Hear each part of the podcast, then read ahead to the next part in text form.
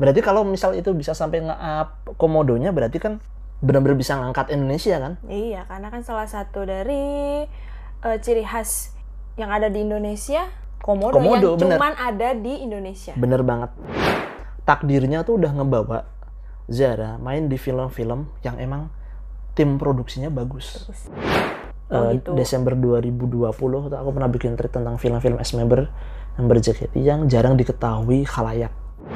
Kalau mau bener-bener konsep baru JKT48 dibawa ke level selanjutnya, bikin drama musikal.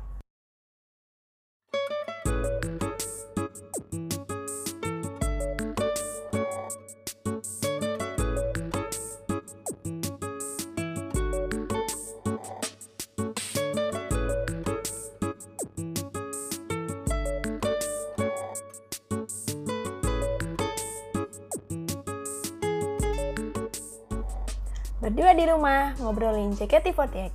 Halo semua, balik lagi nih bersama kita berdua di podcast Bingo Ijo. Wih, We we udah cukup lama ya kita nggak chit chat. Masa sih? Kayaknya padahal perasaan kayak baru beberapa seminggu yang lalu. Oh iya. Oke lah, langsung aja nih ngobrolin apa nih kita malam ini.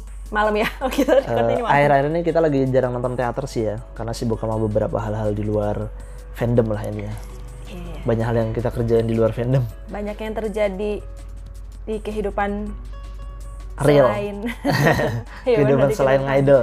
di kehidupan nyata kita berdua. Dan Ya, juga banyak lah.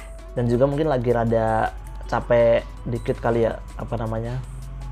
Karena kemarin itu bulan Maret Februari itu kita Februari, ngidolnya tight banget ya. Kayak padet gitu ya. Mm-mm, padat banget gitu kayak eh, tiap minggu hampir tiap minggu ke teater kayak gitu. Iya. Terus streaming juga bisa dibilang Selam. sering banget. Sering, hampir malah kayaknya nggak pernah tiap minggu ya? Ha- nggak nggak keti- kayaknya hampir nggak ya? ketinggalan streaming ya. Kayaknya selalu streaming deh. Misal Sabtu Minggu tuh bener-bener kayak Sabtu iya, Minggu iya gitu. Atau enggak ya minimal salah satu. Atau enggak Sabtu ya Minggunya gitu. Tapi biasanya kita kan aduh pengen yang ini, pengen yang ini juga gitu. Waktu sebelum One ya. Oke. Ya gitu deh. Nah jadi kali ini kita mau ngobrolin tentang ini sedikit berbeda dari hype-hype yang lagi eh, ngetren lah. Hype-hype yang lagi ngetren. Maksudnya kejadian-kejadiannya lagi hype di fandom gitu. Kita ngobrolin hal di luar itu. Kita ngobrolin film-film member JKT48. Berarti film-film yang pernah dimainkan oleh member atau ex-member Ya, member JKT48 ya, gitu ya. member atau ex member JKT48. Kita Ini dalam rangka apa nih kok tiba-tiba jadi ngomongin film Karena gitu kan? bulan ini adalah bulan Maret di Iya, mana oke, bulan Maret. di mana di tanggal 30 Maret 2021 Hmm. ya pokoknya setiap tanggal 30 Maret itu diperingati sebagai hari film nasional. Oh gitu, 30 Maret. Besok dong. Iya, 30 Maret. Jadi ini rekamannya tanggal 29 asal tahu aja. Nggak tahu tapi rilis podcastnya tanggal berapa ya. Tapi yang pasti Oh. Hari film nasional udah tanggal 30. Jadi bisa dibilang Maret itu adalah bulan film nasional. Bulan film nasional. Yes. Oke. Selain itu tanggal 30 kenapa diperingati Hari Film Nasional karena itu juga diperingati Usmar Ismail salah satu tokoh perfilman Indonesia. Indonesia. Jadi adalah hari persembahan untuk dia juga Usmar Ismail dan sekaligus diperingati sebagai Hari Film Nasional. Oke. Nah, jadi kita ngomongin film aja, film-film yang berJKT48. Wah, Nah, kamu yang kamu ingat kalau ngomongin JKT48 dan film apa yang kayaknya kamu ingat? pertama kali banget gitu ya yang aku ingat sih mudah-mudahan nggak salah. Eh, yang main film itu Stella ya. Yang bener-bener Paling pertama, awal banget iya nggak sih? Aku mungkin ada lupa ya. Viva JKT duluan apa Stella Nah, dulu? Aku udah ada lupa sih. Heeh. Tapi kayaknya Stella dulu sih. Stella ya. Apa tuh filmnya waktu itu? Soalnya kalau Viva Viva JKT itu udah ada Gen 2 kan. Iya udah ada Gen 2 bener, bener. Nah, Stella itu main kayaknya bener-bener kayak awal banget. Oh, Yang sebelum pas Satria Garuda itu pertama kali kan. Oh, oke oke. Ya, itu bisa dibilang film Itu lah ya. Bisa dibilang film apa gimana Ya, ya? sebutlah itu film juga lah. Masuk ya? Series, series ya. Iya. Terus abis itu baru dia main film layar lebar entah entah pada saat dia masih jadi member atau setelah jadi ex member aku juga rada lupa sih. Iya. Remember When itu judul film. Iya, remember when. Perasaan ada satu lagi sebelum itu. Oh, sebelum itu ada lagi Remember Aduh, When. aku lupa. Serius aku lupa. Ada apa ya? sebelumnya. Apa ya? Apa ya sebelum dia Eh, coba kita sambil Itu kalau nggak salah kan yang kedua itu kan film remaja ya. Remember when? Maksudnya film Remember When, film remaja SMA kan? bener banget Eh, ya. Iya nggak sih? Ya SMA. Sebelumnya itu dia bukan jadi pemeran utama. Mm-mm, mm-mm. Film apa ya? Aku juga lupa deh pokoknya. Aku tapi aku inget. Ku kejar cinta ke negeri Cina bukan? Ih, bukan deh. Oh bukan ya? Sebelum sebelum itu ya? Ya aku rada lupa sih Ya, ya. Ya mungkin nanti kalau kita inget kita ini di tengah-tengah. Oke. Tapi yang jelas awal-awal member yang main film tuh berarti adalah Stella Cornelia ya. Iya, yang aku inget banget Bener. itu emang Yang- Stella. Yang kalau aku inget sih filmnya dia itu Remember When. Yang aku inget ya yang pernah Iya sih. Nonton Mungkin yang lain aku sama kejar lupa deh. cinta ke negeri Cina tuh kalau nggak salah. Oke. Di situ dia nggak ada yang benar-benar jadi tokoh utama paling utama banget sih. Hmm. Dan yang paling ikonik ya Bima Satria Garuda. Ya. Dia jadi Rena tuh kalau nggak salah. Ingat tuh masih namanya. tuh. Oke. Gokil itu dulu. Ya itulah Nah. kali pertama ya. Tapi kalau inget JKT48 pasti tentu aja nggak bakal Ya, lupa sama film paling eh, wahid Wahid banget. ya. film apa ya wahid film paling luar biasa Ya, dari itu kan JKT48 emang film tentang JKT ya. the myth the legend adalah Viva JKT48 Yeay. kamu dulu nonton nonton kan pasti nonton lah walaupun Aku sekilas dulu- sekilas lompat-lompat gitu Ya sekilas aja sih. Maksudnya aku nggak nonton full. Aku lupa. Maksudnya waktu itu tuh kayaknya aku ngapain ya pada saat itu. kalau waktu itu aku nonton sih aku nonton tuh bener-bener Nonton ya? nonton Viva JKT48 dan eh, ya. Ya gimana ya? Gimana ya? Mungkin kamu yang lebih paham film ya. kan jadi, jadi ada jokes juga Emang iya. kita eh, jokesnya tuh pas kemarin Justice League habis eh, nayangin Snyder Cut version yaitu Hmm. eh, versi dari eh, sutradara terdahulu Justice League Zack Snyder. Nah ini ada yang bikin jokes eh, pengen dong Viva JKT48 dirilis versi Komodo Cut version. Versi Komodo Cut. Kayaknya keap banget sih komodonya ini begini. Iya gokil. Ya tapi keren loh. Berarti kalau misal itu bisa sampai nge-up komodonya berarti kan benar-benar bisa ngangkat Indonesia kan? Iya, karena kan salah satu dari eh, ciri khas yang ada di Indonesia komodo, Komodo, yang bener. cuman ada di Indonesia. Bener banget. Komodo. Berarti bisa di- Maksudnya kayak itu he- dalam tanda kutip hewan purbanya lah gitu ya. Iya, itu kan paling legendaris kan komodo kan salah satu kan keajaiban. komodo. Jadi- salah satu keajaiban dunia di Pulau Komodo. Jadi sebenarnya Viva JKT48 udah berhasil ngangkat tentang Indonesia sendiri Secara loh. tidak langsung sih begitu ya. Gara-gara keren, mi- keren. iya. Kalau misal bisa dilihat dari sisi lain gitu dari It- film ini gitu. Itu yang bagian tim kreatifnya yang eh, mengeluarkan ide untuk ngeluarin komodo di Viva JKT48 itu brilian. Itu adalah itu adalah dari keseluruhan bagian part film tuh itu paling jenius tuh komodo. Bagian komodo. Mereka terjebak di kandang komodo. Terjebak member-member terjebak di kandang komodo. Nah, itu itu adalah bagian jenius menurut. Itu nggak ada. Ini serius. Oke. ya benar juga sih. Ya bener. Dari keseluruhan film itu tuh kayak oke semua bagiannya tuh ya gitulah ya filmnya. Cuma the favorite part tuh ya komodo. The iconic cult gitu. Jadi kayak keren sih, keren sih. Siap. Tapi kalau mau jujur-jujuran menurut kamu Viva JKT48 waktu itu gimana tuh? Ya gimana dong aku harus jawab? Film yang terlalu banyak ngetrollnya kali ya. Terlalu ya pada tipikal film komedi eh, pada masa itu ya yang komedinya tapi Kayak kom- iya kayaknya waktu itu apa eh, stand up komedian lagi hype juga ya? belum ya udah iya mulai sih udah mulai muncul juga stand up Ya comedian. karena kan emang beberapa di situ pemainnya kan eh, enggak deh kayak eh enggak ada deh babe ada babe di situ. bukan babe itu Eh. Babe. itu bukan babe Babe itu bukan babe Eh itu mirip bukan. doang itu mirip doang tapi bukan babe Oh, bukan babe iya. cabita bukan itu serius? bukan rambutnya doang yang mirip nih nih ya Iya tahu. kita sambil lihat ya kita sambil lihat ya Viva JKT48 ya pemainnya ya Iya serius itu babe. bukan bukan bukan beneran apa? beneran bukan itu rambutnya doang yang mirip itu bukan babe Serius. kita lihat ya pemain-pemainnya ya Pemain yang ininya. Eh. dibilangin iya eh kan? bener gak sih Aku tuh inget, aku inget, oh bener ya ada babe ya eh, nggak tahu mana sih pemeran pemeran pemeran lah. Dan, dan, dan, dan, kita lihat, kita lihat, kita lihat. Oke. Wah ini bener-bener, ini nih gini nih kalau tidak riset terda- terlebih dahulu nih. Tuh Kalau kan, Babe Cabita, pelayan Lawson. Oh, tapi kan tokoh utamanya bukan dia, dia Lau Kan Lawson-nya. aku kan ngomong tadi, maksudnya ada ada yang main di situ ada stand up komedian. Nah, nyelip-nyelip gitu maksud Oke, aku. oke. Apakah waktu itu emang lagi hype-nya gitu kan biasanya gitu film-film suka dimasukin gitu Mm-mm. eh, stand up komedian buat bikin sisi komedinya gitu. Mm-mm. Soalnya kan eh, apa namanya eh, Soleh Solihun, kenapa kalau- jadi lupa sih kalau- kebun iya, iya. binatang si Benar. komodonya. ada Muhat Kliaco juga sih ya, nah, bener-bener. iya, bener. Tapi bukan pemeran utama, maksud aku, aku, Ya, emang aku, iya. aku kira kamu Enggak. bilang Ya salah kan satu pemeran utamanya. Pemain JKT lah. Oh iya benar-benar. Babe Cebita itu di Lawson di tokoh pelayan Lawsonnya muncul. Terus ada juga eh, Soleh Solihun sama Muhammad Kliaco. Sama kalau nggak salah ada Mongol juga. Iya Mongol juga ikut muncul. Benar sih pada saat itu lagi hype hype-hypenya banget ya. stand up comedy jadi udah deh masukin aja jadi peran-peran pembantu gitu buat rame-ramein lucu-lucuin gitu kan. Biar komedinya ini sih, maksudnya bener-bener dapat, emang dapat sih menurut aku Hmm. komedinya. Pada masa-masa itu Viva JKT terus awal-awal yang main film kan Stella terus habis itu mulai masuk Nabila. Nabila. Nabila mulai banyak main film tuh.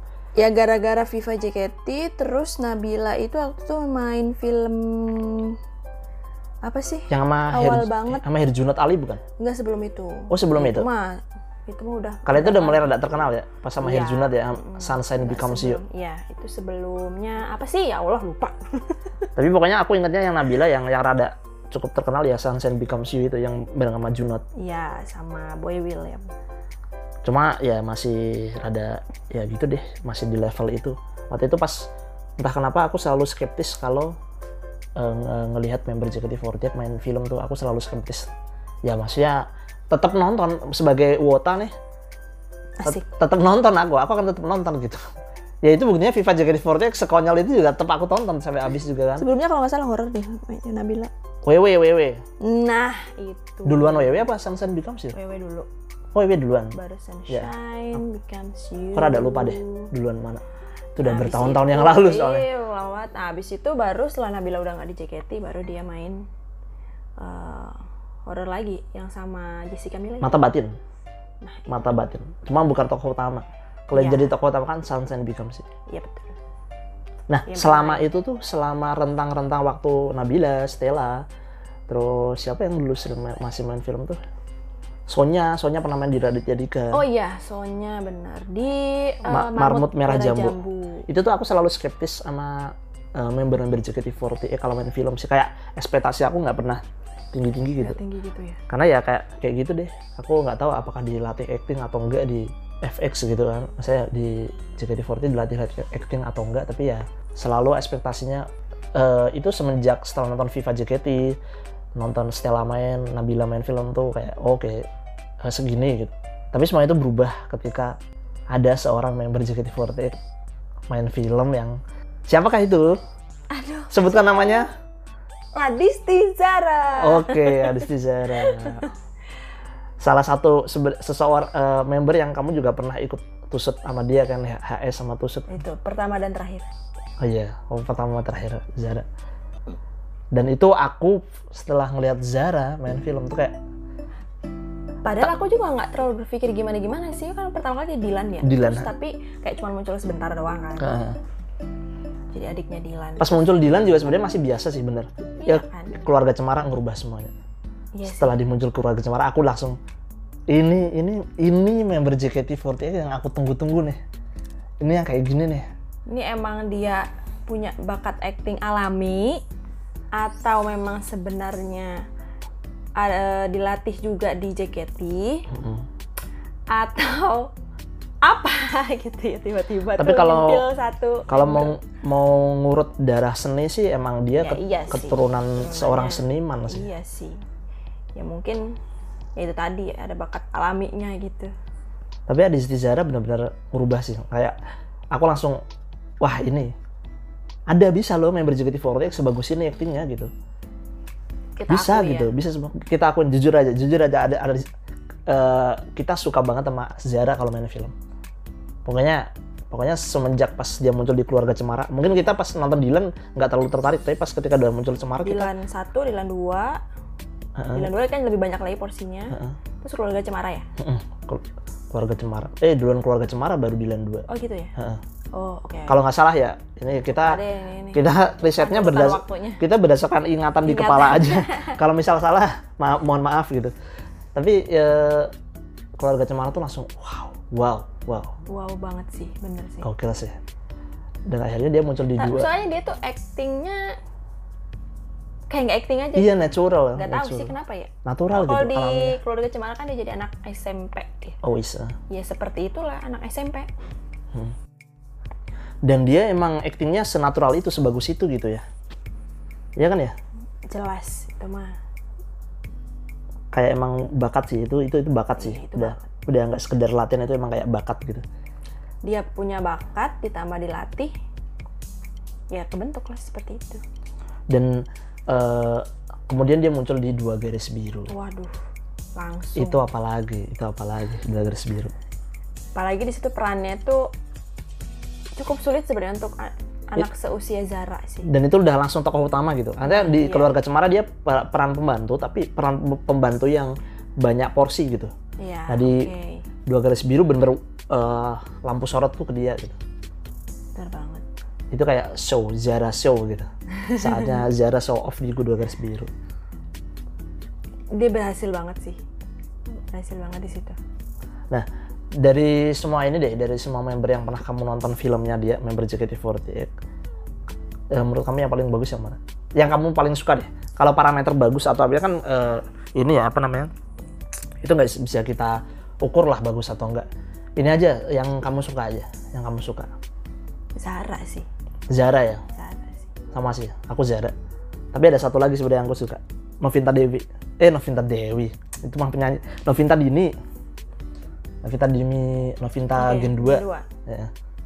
cuma dia sayangnya nggak main banyak film besar sih dia main film-film pendek gitu nah terus kita eh, mencoba eh, mikir timeline Zara kemudian tadi Stella udah Sonya Sonya juga Sonya tuh cantik banget sih kalau ditanya member Salah Ada- satu yang tercantik sih. salah satu cantik banyak member lain juga pada ngomong gitu ya Iya. Dan dia juga bagus ya di Marmut Merah Jambu ya Zara tuh filmnya banyak habis dua garis biru tuh masih ada. Bahkan dia main film indie bukan sih atau apa sih?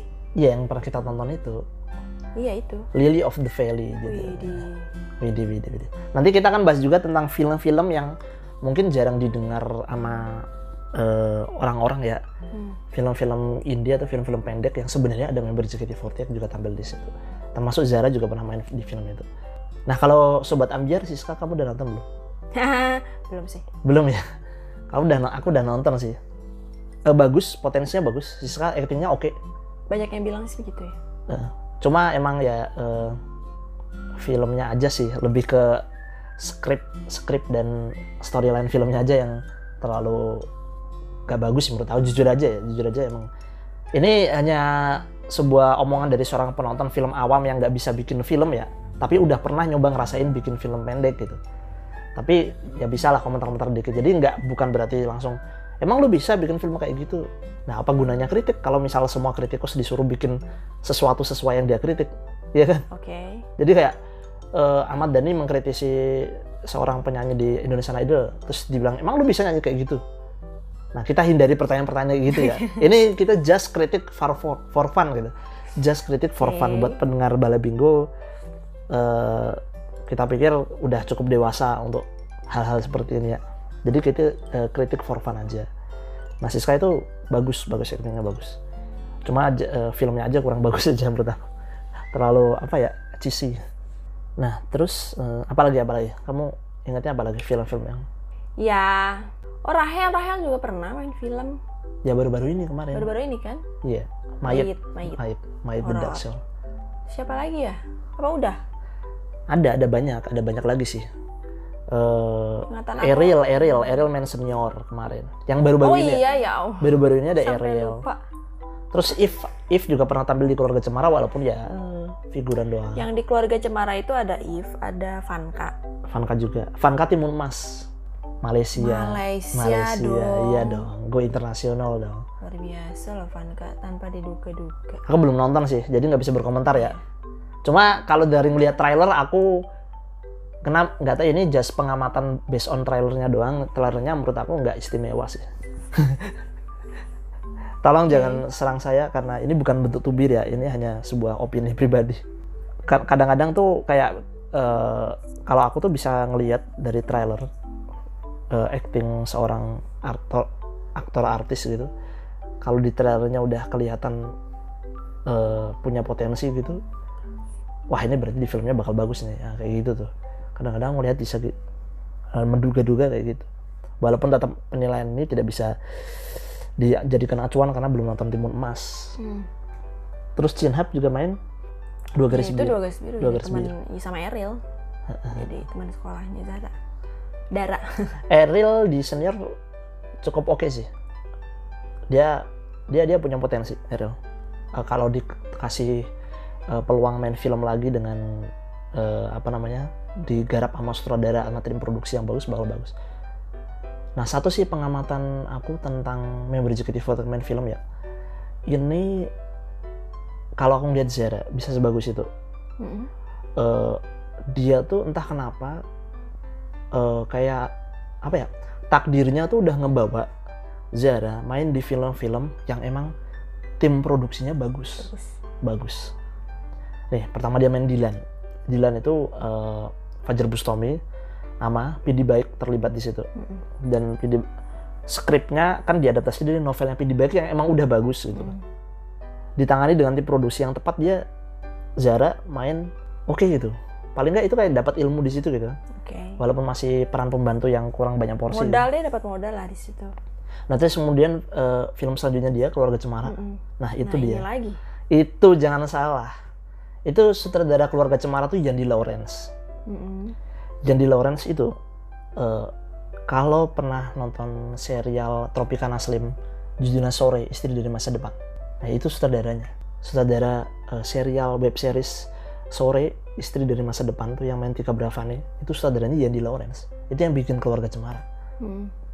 dan Yandi Lawrence ini dari sebelum dia bikin film layar lebar gede kayak keluarga cemara itu udah aku udah ngikutin dia dari 2015 sekitar 2015 tuh aku nonton XS1 Short Film Festival. Mm-mm. aku lupa tahun tepatnya deh ini kalau nggak 2014 2015 antara sekitar itulah. Kalau empat nggak 14 15 nah itu eh, yang di Lawrence itu salah satu finalis festival film SS1 Short Film yang sekarang udah nggak ada festivalnya itu sedih, banget banget ya. sedih banget. Itu banyak banget saudara keren main film itu kalau nggak salah One An gitu filmnya waktu itu yang menang. Oke. dan dia bikin film banyak film pendek yang temanya tuh keluarga.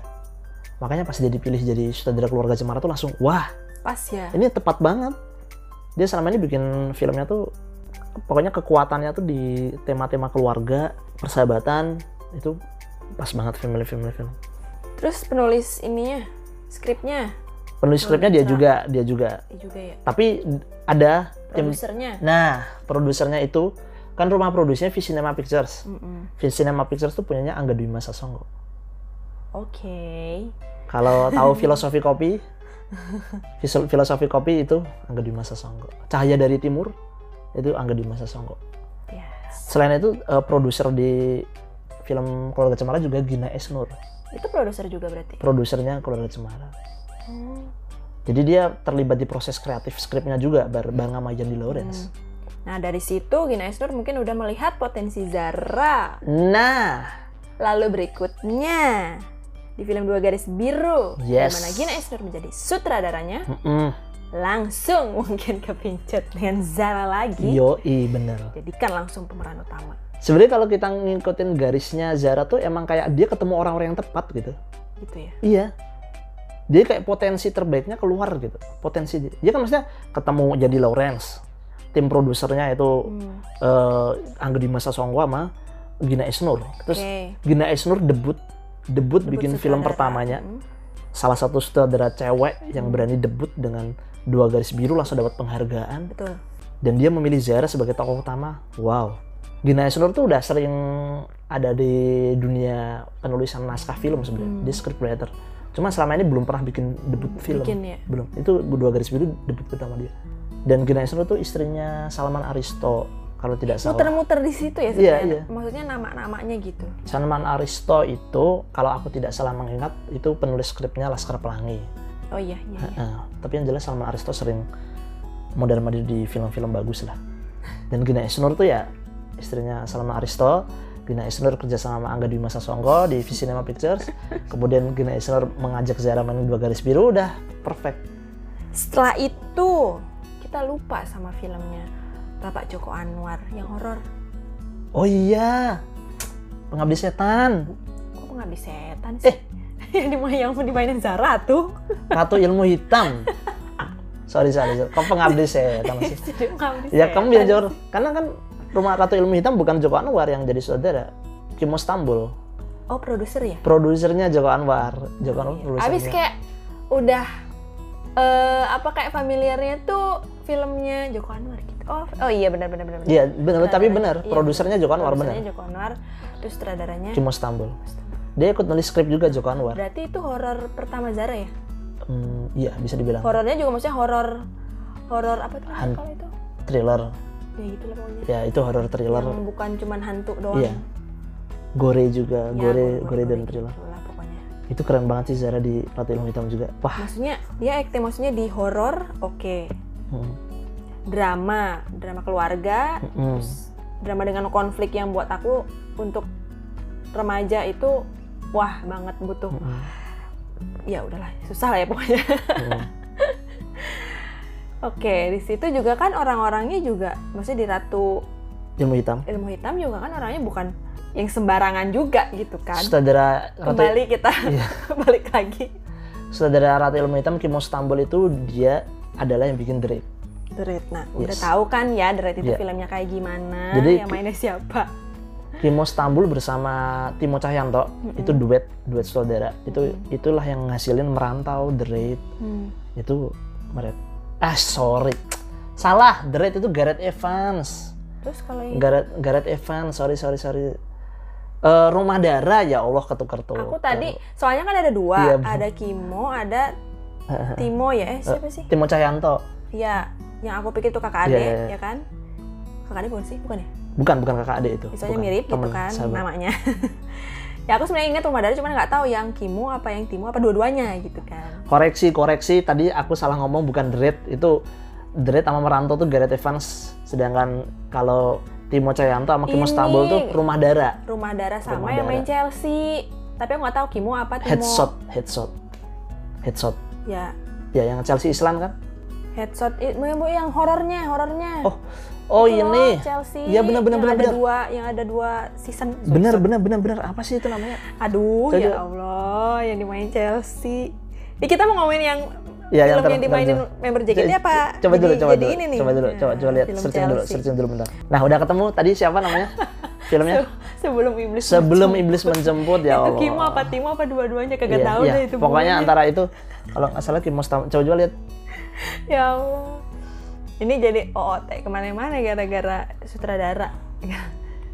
Timo Cahyanto kalau sebelum iblis Timo, menjemput. Ya, ya, soalnya beda. emang suka ketukar-tukar. Ya pokoknya antara dua itu kan, Iya. Kimo sama Timo. sorry sorry. Yang, yang jelas tadi bukan bukan The bukan Merantau itu salah salah ingatan aku. Yang benar itu Kimo Stambul itu yang bikin eh, Rumah Dara. Jelas tuh Rumah Dara.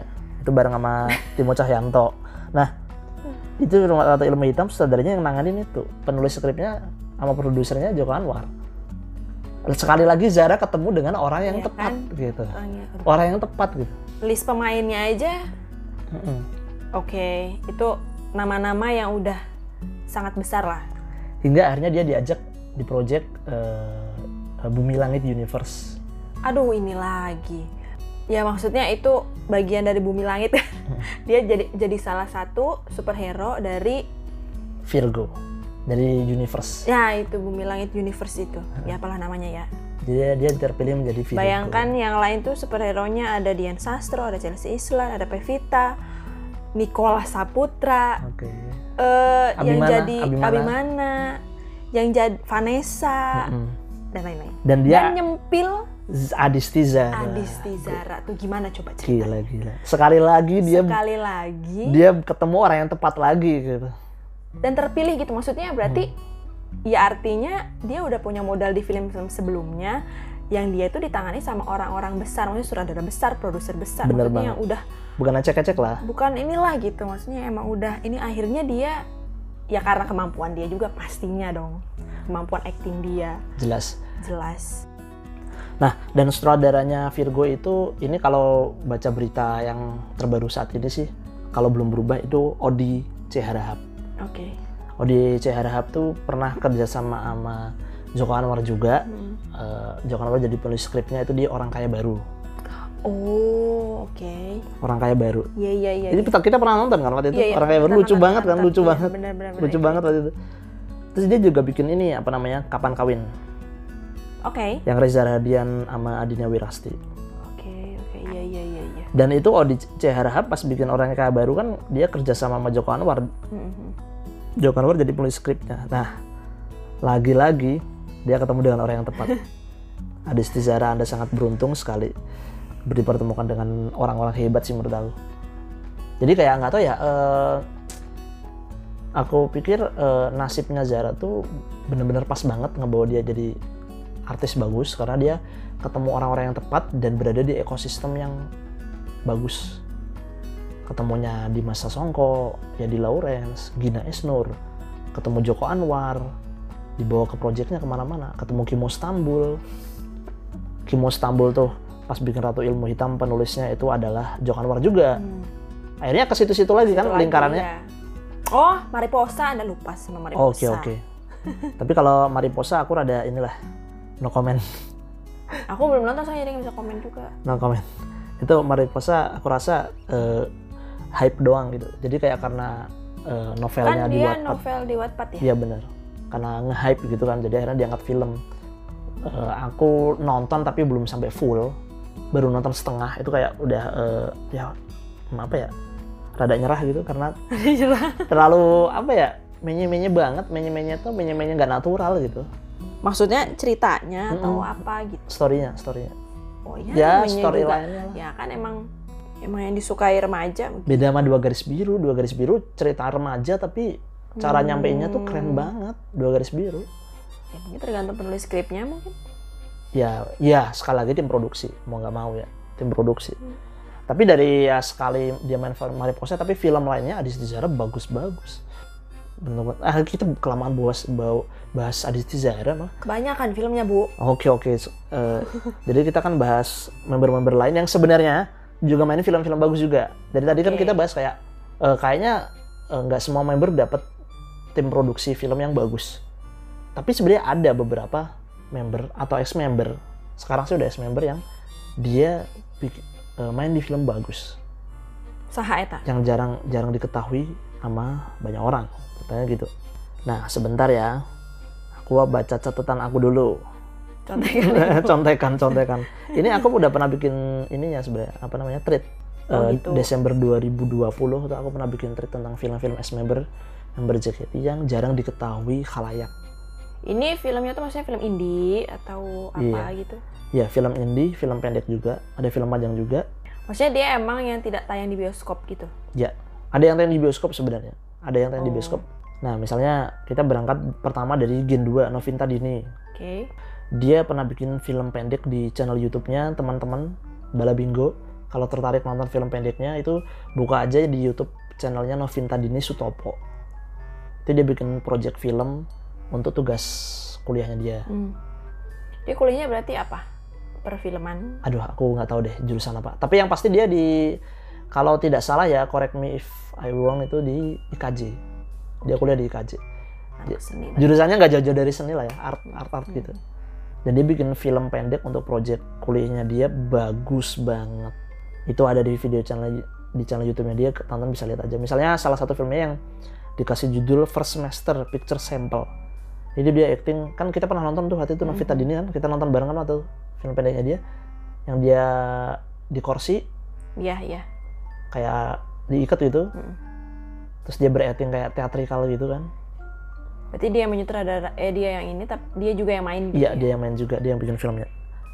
Terus ada adegan dia di dalam bak mandi juga. oh iya benar Itu kayak depresi banget. Jadi dia meranin tokoh seorang tokoh yang sangat stressful, depresi banget. Bagus banget itu Novin tadi ini beneran dah. Saya menunggu-nunggu nih Anda mau main film layar lebar yang serius gitu. Hmm. Dulu kayaknya Novita Dini pas masih di JKT pernah main film juga horor boneka Oh gitu. boneka Hanako apa? Aku lupa deh pokoknya eh, film horor pernah Novita Dini. Cuma kayaknya waktu itu kurang dia belum benar-benar keluar potensinya sih. Hmm. Oke, terus siapa lagi? Berangkat ke eh, Ratu Vini Fitri ya. Iya. Kita pernah nonton ini. filmnya dia bareng loh. Kita pernah nonton filmnya Yes. yang ada si Jason Ranti. Ranti. sama Danila. Aduh. Danila dan Seranti. Saudaranya Pidi Bayi. Oh iya benar. Pidi Baik. Itu, Itu bercerita tentang komedi yang sangat absurd sekali. Jadi filmnya itu Cowboy Kampus. cowboy kampus.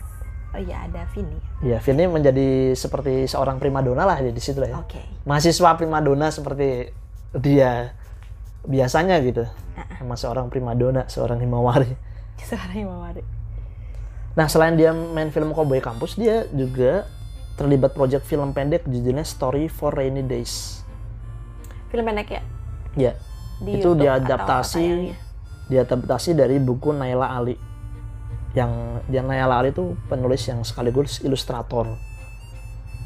Naila Ali. Nah, itu bagus banget bukunya ya. Oke. Tapi kalau film pendeknya aku sampai hari ini belum pernah nonton filmnya. Maksudnya belum tahu tayangnya di mana atau udah tayang tapi belum nonton? Keduanya. Nggak tahu tayangnya di Oh mana. gitu. Nggak tahu. Nggak tahu itu udah tayang atau belum juga. Oke. Waktu itu aku hanya tahu di story-nya pokoknya ada postingan yang ada Vini di situ. Story IG story sih. Hmm. IG story orang gitu. Dia lagi bikin project Story for Rainy Days dan yang main Vini. Vini ini cukup artsy sebenarnya. Menurut aku dia punya potensi banget kalau dia dapat sutradara bagus aja. Vini, Bisa, ya? Vini kayaknya bakal main film bagus deh. Dia aja pernah ngebacain bukunya Eka Kurniawan kan yang mau dibikin film seperti Dendam. Rindu harus Seperti dendam, rindu harus rindu harus dibayar, dibayar tuntas. tun- tuntas. Iya, iya benar. bayar tunai. Terus ada lagi film Nah, ini tadi kembali ke Zara.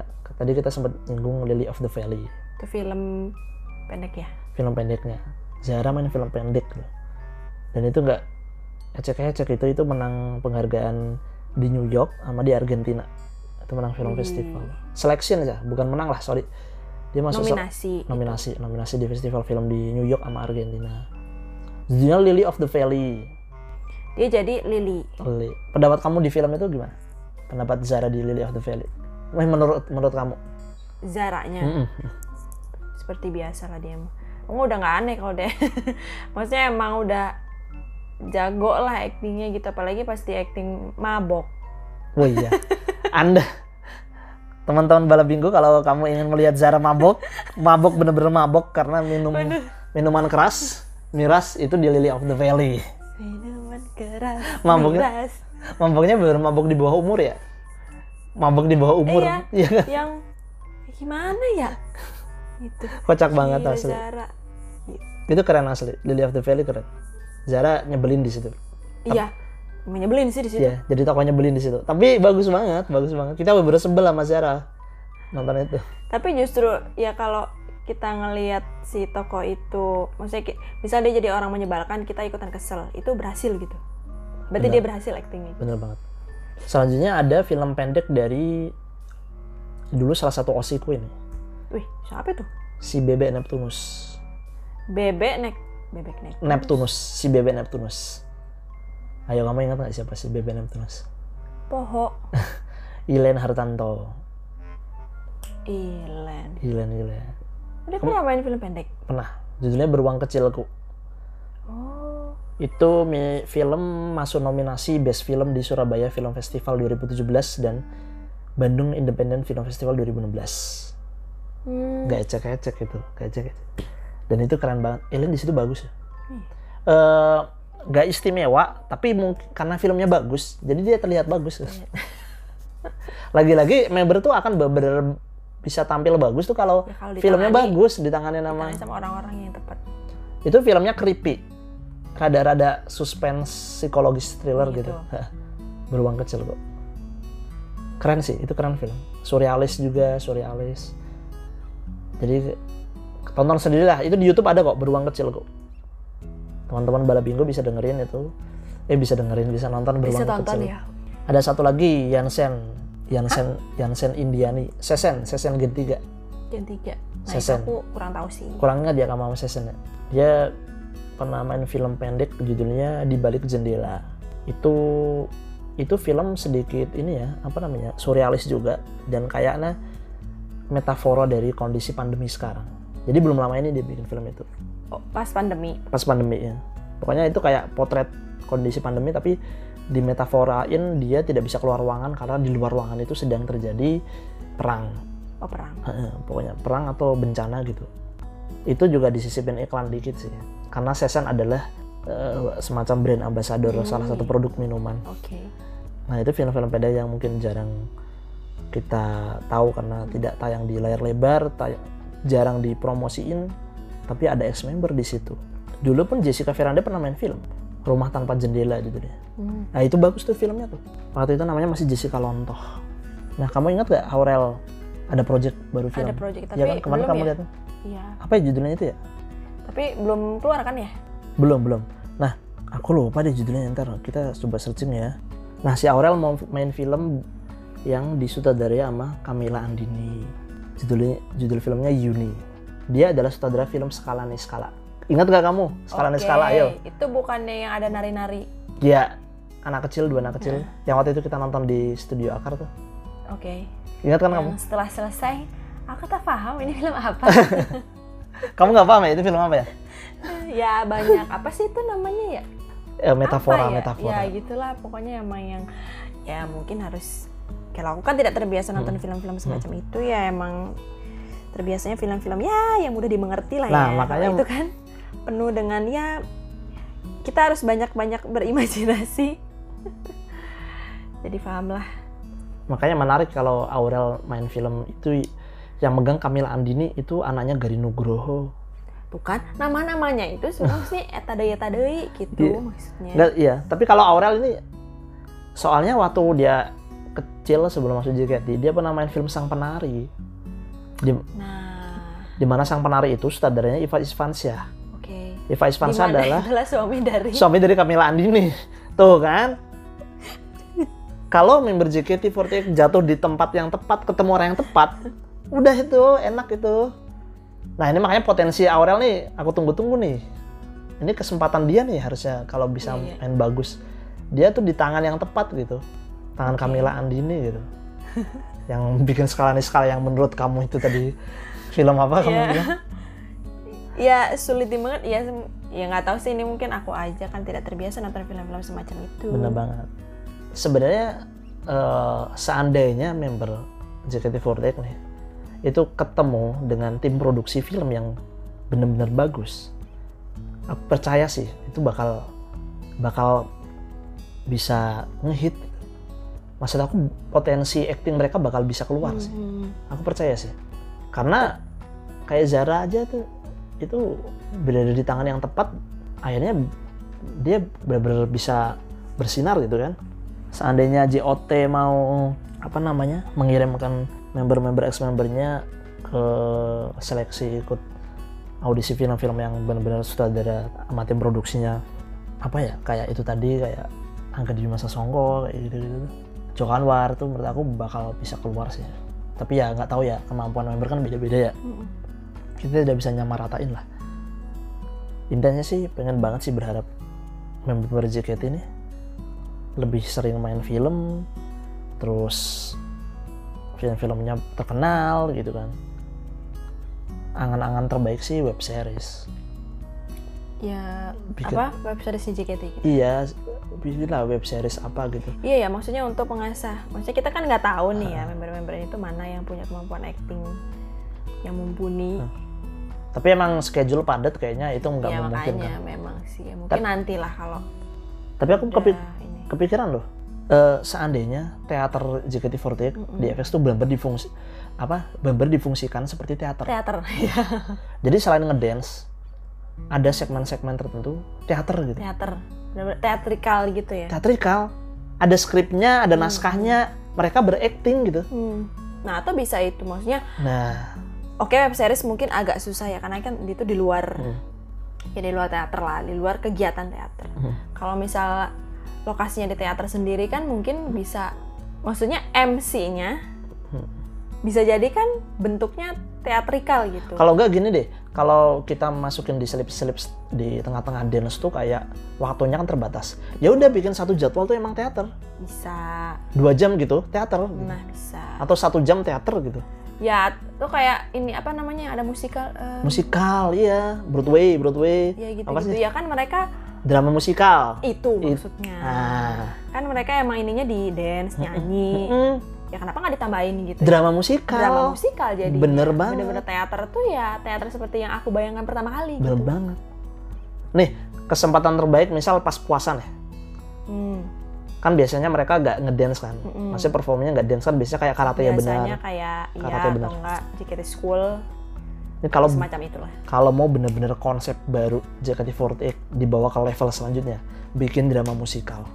oke Aku akan eh, sujud ke JOT kalau mereka berani bikin teater atau drama musikal.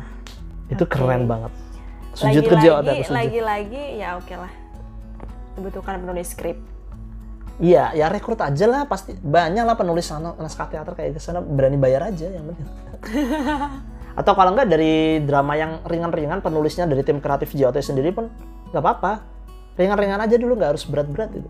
Tapi konsepnya drama musikal gitu. Daripada MC-MC prank-prankan, bully-bulian kayak gitu kan. Mending konsep barunya benar-benar dibawa ke level Jadi naik selanjutnya. level gitu Iya, membernya, naik jadi ya siapa tahu ada bakat tersembunyi yang kita Bener. nggak tahu Iya. kan gitu Bener banget. Kalau misal ini gini, ada keuntungan loh. Misal mereka ng- ngadain JKT48 ngadain pertunjukan teater atau drama musikal. Hmm. Dia teater. Bukan nggak mungkin itu ngasah kemampuan acting mereka. Bukan nggak mungkin nanti ada uh, talent agency atau yang pencari casting film datang ke teater nonton Mm-mm. melihat acting acting anak-anak Hmm. JKT Iya. terus diajak main film oh gila keren ya keren ya kalau misalnya ada drama musikal itu bener kan ya pokoknya pertunjukan teater atau drama musikal di F4 lah itu. Please JOT please. Pengen banget hal ini terrealisasi seandainya ya. Suatu hari nanti. Dance-nya dapat iya tetap nyanyi, ngedance nyanyinya iya. dapat tetap nyanyi iya. Actingnya dapat drama musikal. Loh itu cita-cita kita sih eh cita-cita angan-angan kita ya. Kayaknya pembahasan sudah cukup panjang ke mana-mana ya. tentang film dan JKT48 udah cukup di sini aja kali ya. Iya. Intinya eh, selamat hari film nasional untuk entah kapan rilisnya episode ini. Selamat hari film nasional di tanggal 30 Maret. 30 Maret ya? 30 Maret. Oke. Semoga drama musikal ini bisa pokoknya aku langsung inilah apa ya kalau misalnya JOT mau bikin drama musikal oh langsung aku borong deh. V- Apanya? aku borong VC deh aku borong VC wah Asli. borong VC borong VC atau apa? Kalau benar terjadi oke. Ya oke lah kalau gitu. Sampai jumpa semuanya. Bye. Thank you